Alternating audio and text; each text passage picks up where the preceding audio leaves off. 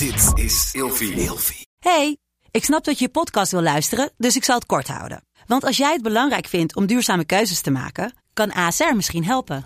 Nou hoor ik je denken, hoe dan? Nou, bijvoorbeeld bij het duurzaam herstellen van schade. Of de premies die we beleggen volgens ons duurzaam beleggingsbeleid. Dat bepaalt waar we wel en juist niet in investeren. Wil je meer weten over welke duurzame keuzes ASR maakt? Ga dan naar asr.nl slash duurzame keuzes. ASR doet het. Zo, dan kan je nu lekker naar je podcast luisteren. Vroeger. Meneer de Mundik, we bespreken deze week het onderwerp uitvindingen. En in deze aflevering hebben we altijd een verhaal in de categorie Wist je dat? We gaan het hebben over een Nederlandse uitvinding. De microscoop.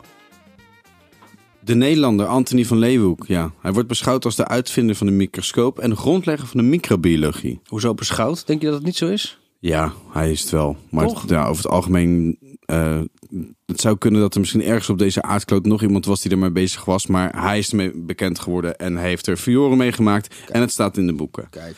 Ehm, met behulp van zelfgebouwde microscoopjes die ongeveer 500 keer konden vergroten, onderzocht Anthony allerlei biologische verschijnselen, zoals bloedlichaampjes, haarvaten en jawel, zaad. En dan vraag ik me altijd wel af, zou dat dan zijn eigen productie zijn? Zou hij denk zelf zo'n zo'n kwakje op dat glaasje hebben gemikt? En dan het zegt toch? Kijk, ja, Ja, je kan wel Ja, stoer doen en zeggen het is niet van mij. Maar nee, ja. ik heb beter gewoon denk het eventjes... wel, eh, denk het wel, precies. Je- Vooral als je het een beetje fresh wil hebben. Ja, ja, een beetje nuttig besteden inderdaad. Een beetje Nou, bewegen. Deze Delftenaar geeft bijvoorbeeld als eerste beschrijving ehm, de bacterie op zijn eigen tanden.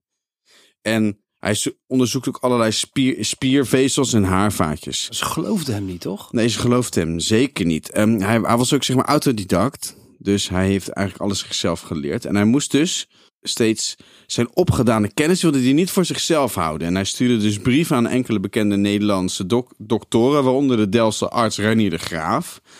En die Reinier de Graaf die introduceerde hem bij de Royal Society in Londen.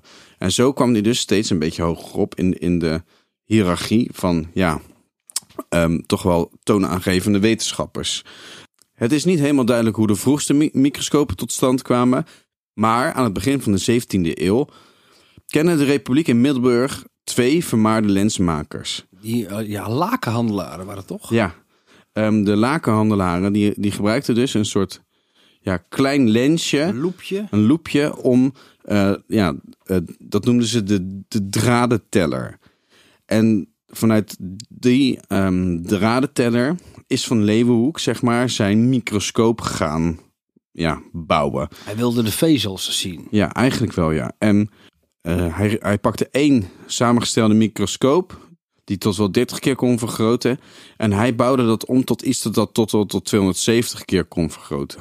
Nou, uiteindelijk heeft dus dat microscopisch natuurwetenschappelijk onderzoek eh, geleid tot een, een baanbrekend boek. De Micrographia or Some Physiological Descriptions of Miniature Bodies Made by Magnifying Glasses. Oftewel, eh, allemaal kleine dingen worden door een mi- microscoop gezien en beschreven, zoals de plantencel, een vliegenoog en een flow. Tot morgen. Vroeger.